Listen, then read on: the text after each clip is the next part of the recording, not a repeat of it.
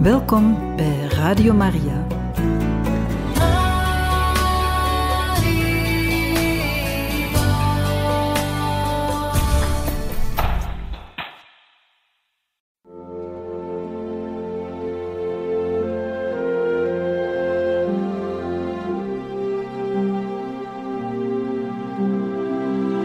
Beste luisteraars van Radio Maria, welkom bij het programma Catechismus. Een overweging bij de geloofschat van de kerk.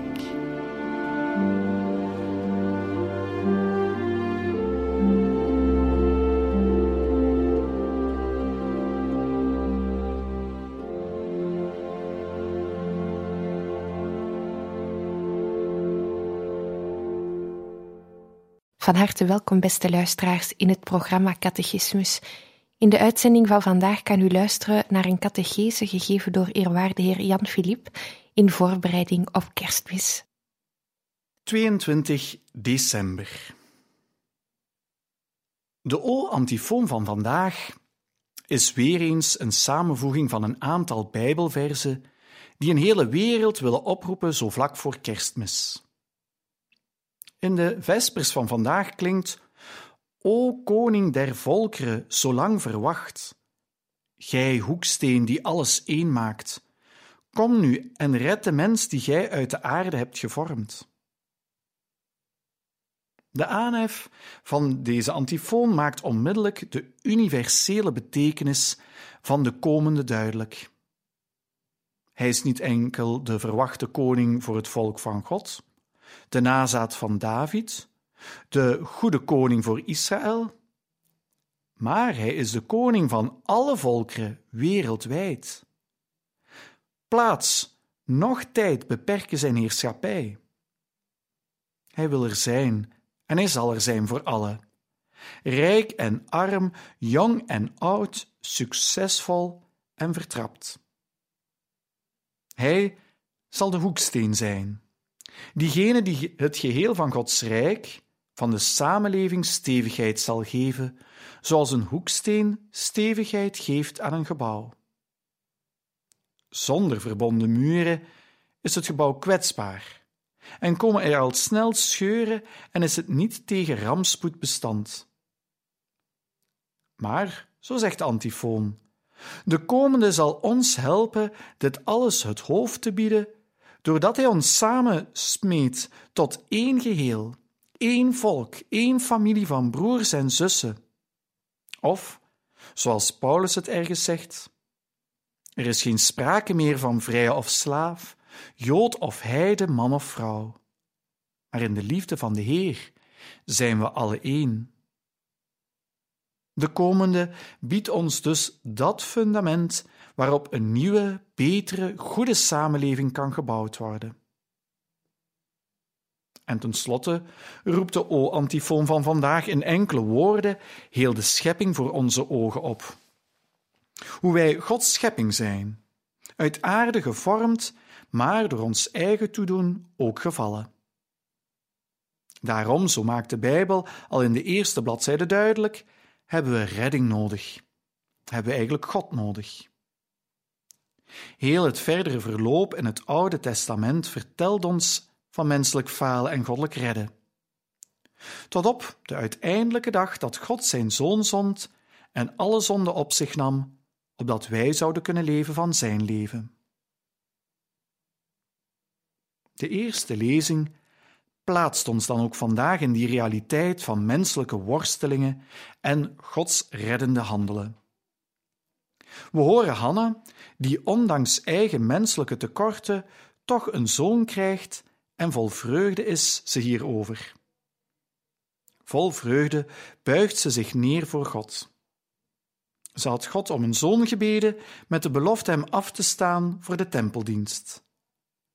Nu brengt ze de kleine Samuel naar de tempel van Silo en komt zo haar belofte na.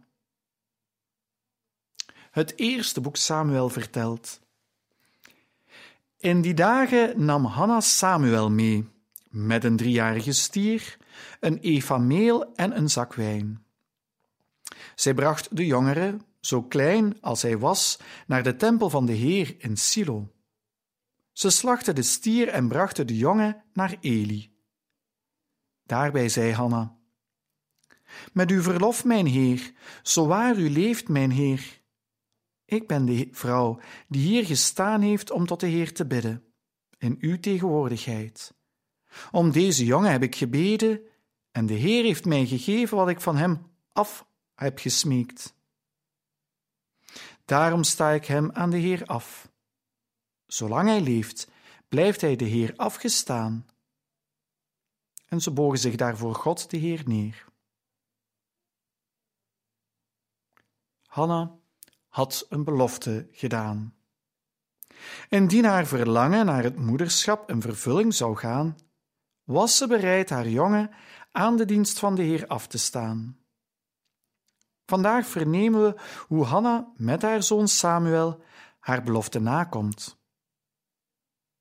De antwoordpsalm van vandaag is geen psalm, maar is een lied, gezongen door Hanna, zoals het opgeschreven staat in het eerste boek Samuel. Vanaf de eerste christelijke tijd werd het lied dat Hanna zingt als Samuel geboren is, als een blauwdruk voor het Magnificat van Maria gezien.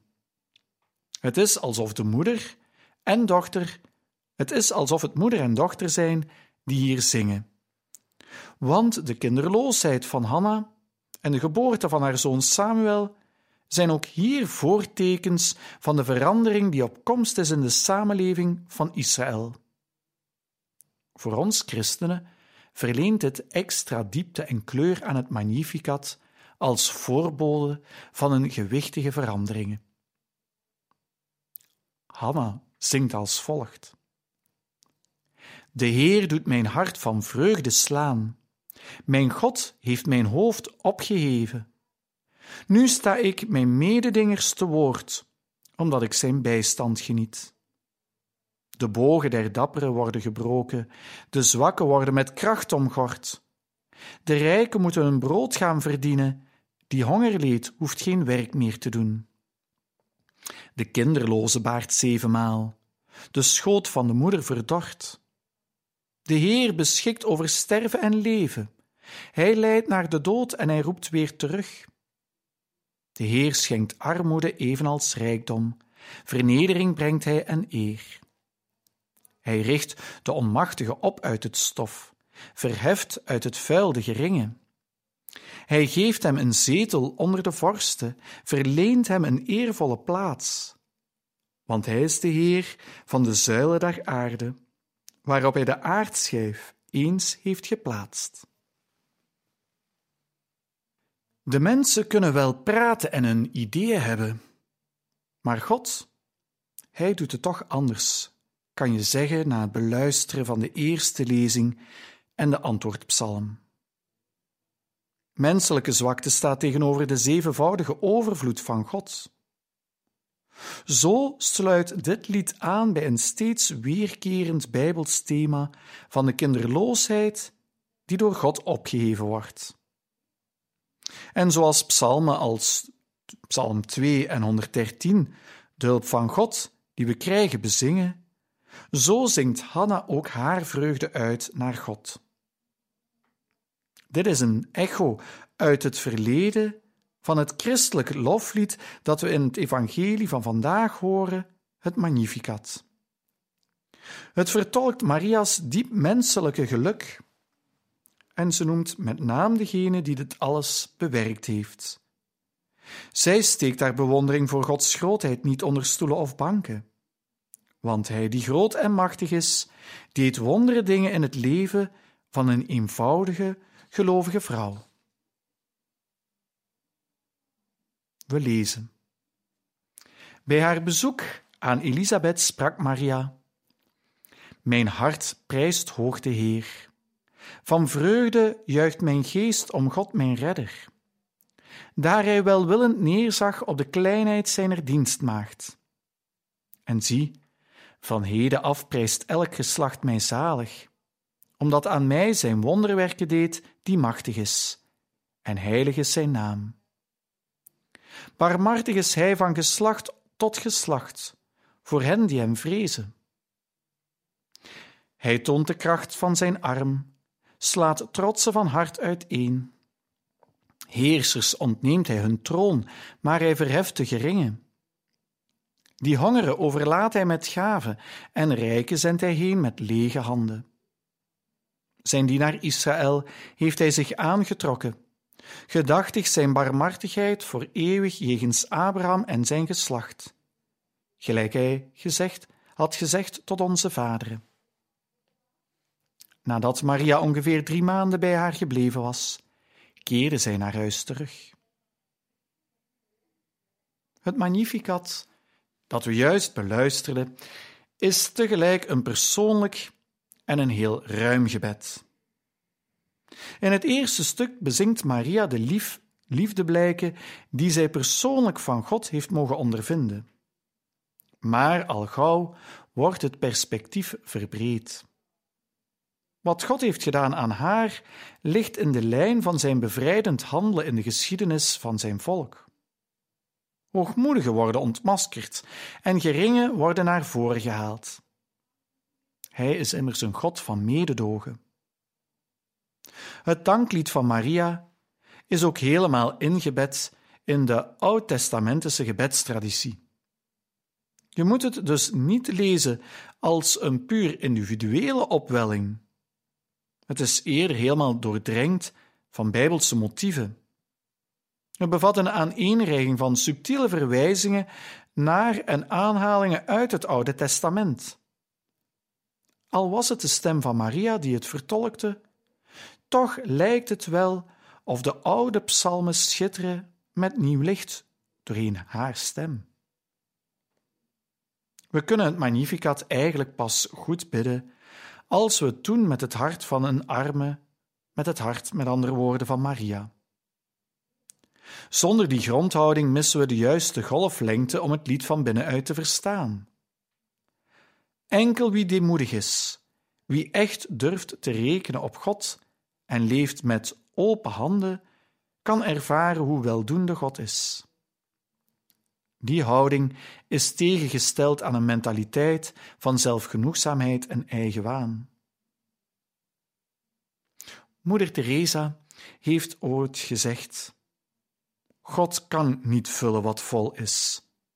Wie vol is van zichzelf, kan uiteindelijk niets ontvangen. Materiële rijkdom is een gevaarlijk virus, omdat het ons hart dreigt te verlammen en af te sluiten, niet enkel voor noodlijnende medemensen, maar ook voor de grote schenker, die God is.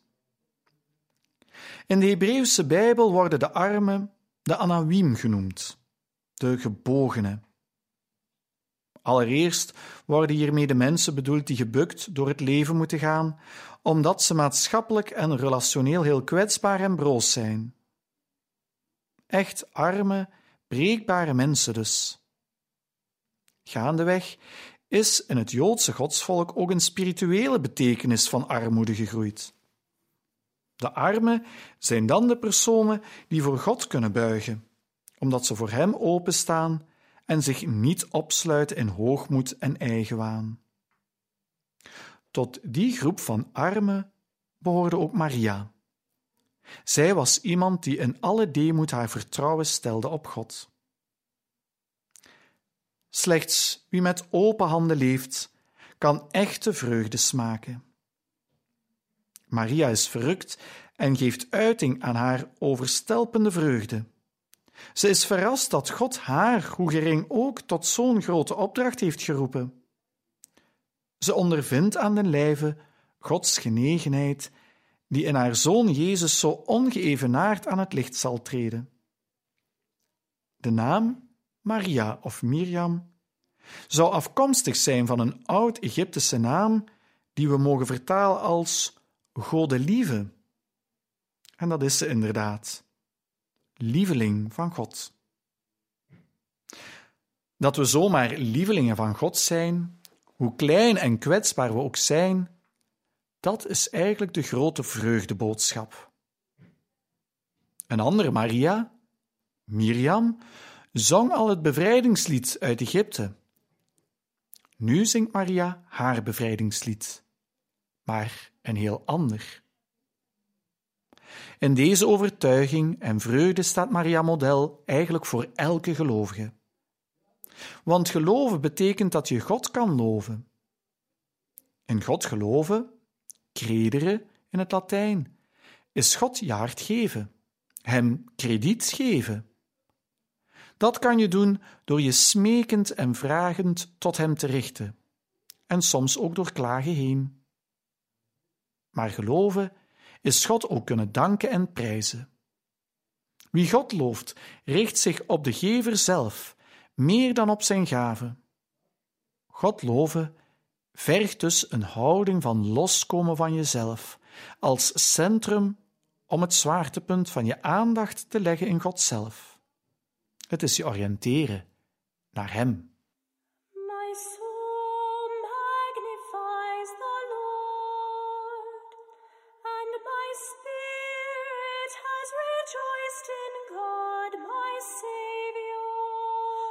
More honorable than the cherubim and more glorious beyond compare than the seraphim.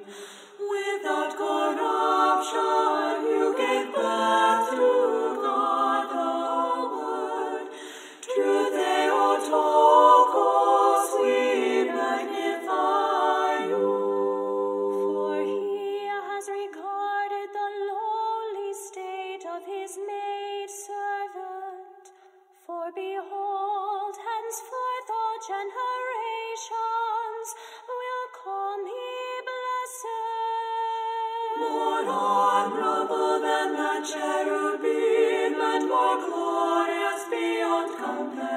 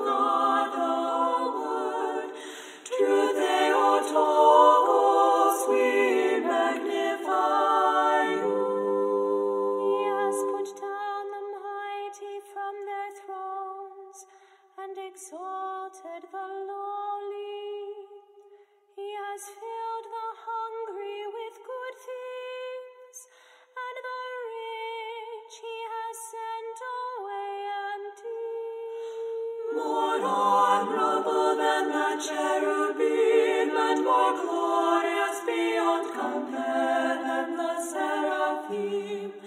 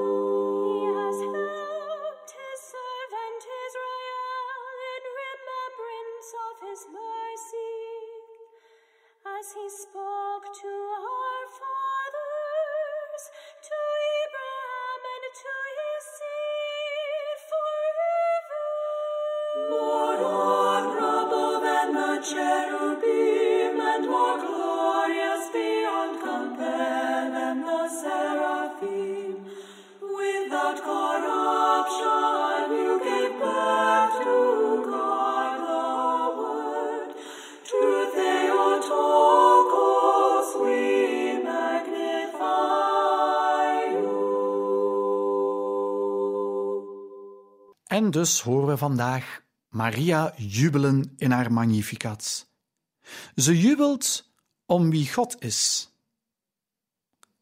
Als drie uitroepen van verwondering en bewondering weerklinken drie eigenschappen van God. Eerst wordt hij bezongen als de Machtige. Nu, Gods macht is nooit dwingend of verknechtend, maar is juist levengevende, liefhebbende kracht. Zoals mensen na een toffe film of voorstelling kunnen uitroepen: Het was machtig, zo heeft Maria het over die machtige God. Vervolgens roept Maria Gods heiligheid op.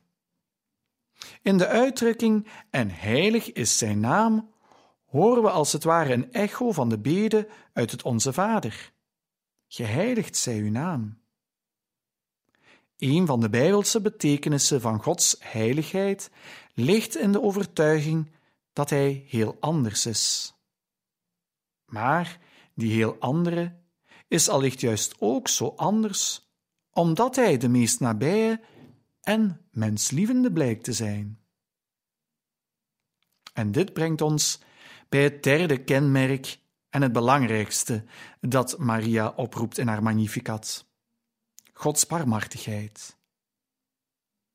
Barmhartig zijn bestaat in het geduldig dragen van de broze anderen. Zo is de Bijbelse God ten voeten uit, iemand die een hart heeft voor al wie arm en breekbaar is. Zo heeft hij zich laten kennen in de geschiedenis van Israël. Dat God het opneemt voor de kwetsbaren, is niet het minst gebleken daar in de bevrijding uit Egypte, lang geleden. Daar heeft hij de kracht van zijn bevrijdende arm getoond. God ziet om naar wie onaanzienlijk is. Wie zich daarentegen laat meeslepen in aanmatigende zelfverheffing, die ontmaskert hij. God vindt zijn grootheid in het groot maken van wie klein en schamel is. Op de keper beschouwd is Maria's loflied ook eigenlijk een heel revolutionair en strijdvaardig lied. Nee, het is eigenlijk geen brave hymne, maar een uitdagende protestsong. Want God tekent verzet aan tegen uitbuiting en misbruik. Hij zet de wereld op zijn kop. De rollen worden door hem omgekeerd. Wie anderen met hun macht verpletteren, haalt hij immers van hun voetstuk. Weerloze mensen worden verheven, rijken worden arm, armen worden rijk. Het wee-u-rijken van Jezus klinkt al reeds door in dit Magnificat. Het Magnificat biedt ons in deze, als het ware, opstandige passage meteen ook een profetische en hoopvolle visie op de geschiedenis. Wij zouden waarschijnlijk spontaan een realistische kijk naar voren brengen en zeggen dat de hoogmoedigen triomferen, de machtigen de baas spelen vanaf hun tronen, de nederigen vertrapt worden en hongerigen zich vermenigvuldigen, de rijken steeds rijker worden. Maar dat zegt het Magnificat nu net niet. Het bekijkt de geschiedenis veel eer in het perspectief van het Rijk van God, waar uiteindelijk de zelfgenoegzame geen stand houden en de kwetsbare rechtop komen. Het bespeelt hetzelfde register eigenlijk van de zaligsprekingen. Hier komt dus Gods visioen aan het licht. God gaat fel tekeer tegen de zelf opgebouwde schijn van mensen. Zijn eerste en laatste woord is en blijft evenwel barmhartigheid.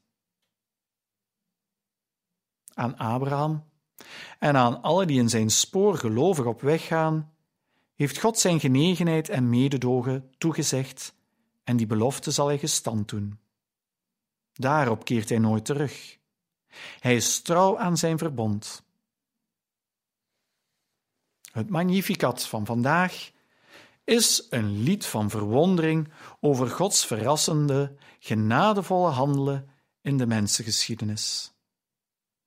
Genade betekent voor alles dat er een God is die mensen graag ziet, voor niets, gratis.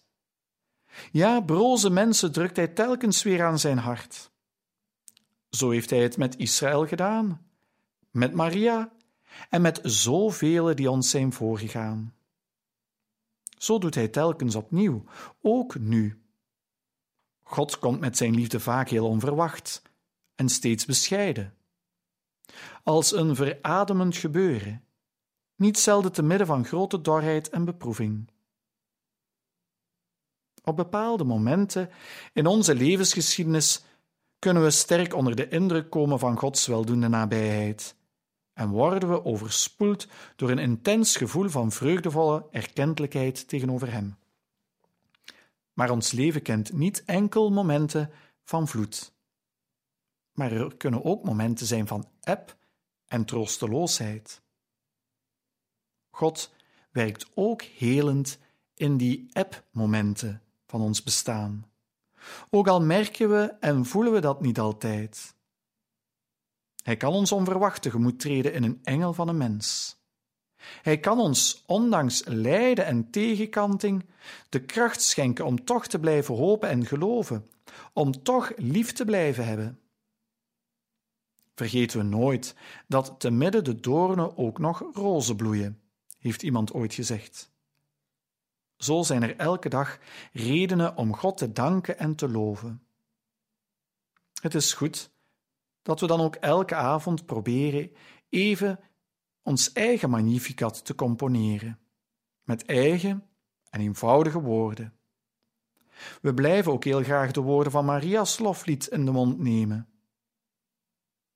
Maria is voor elke Jezusleerling eigenlijk een betrouwbare en veilige gids.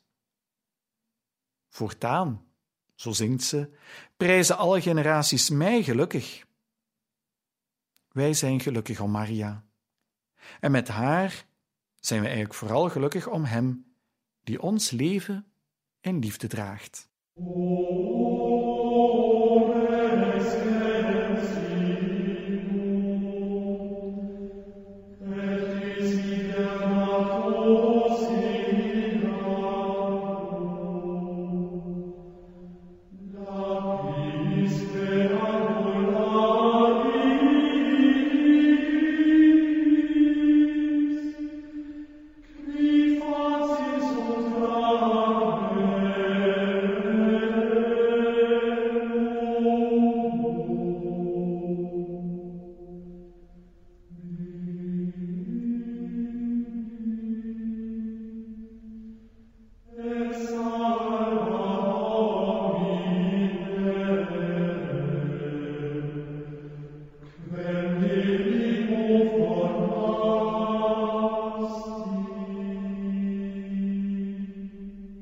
En zo zijn we, beste luisteraars, aan het einde gekomen van deze catechese, gegeven door eerwaarde heer Jan Filip, in voorbereiding op het kerstfeest. Wij wensen u nog een zeer mooie dag toe.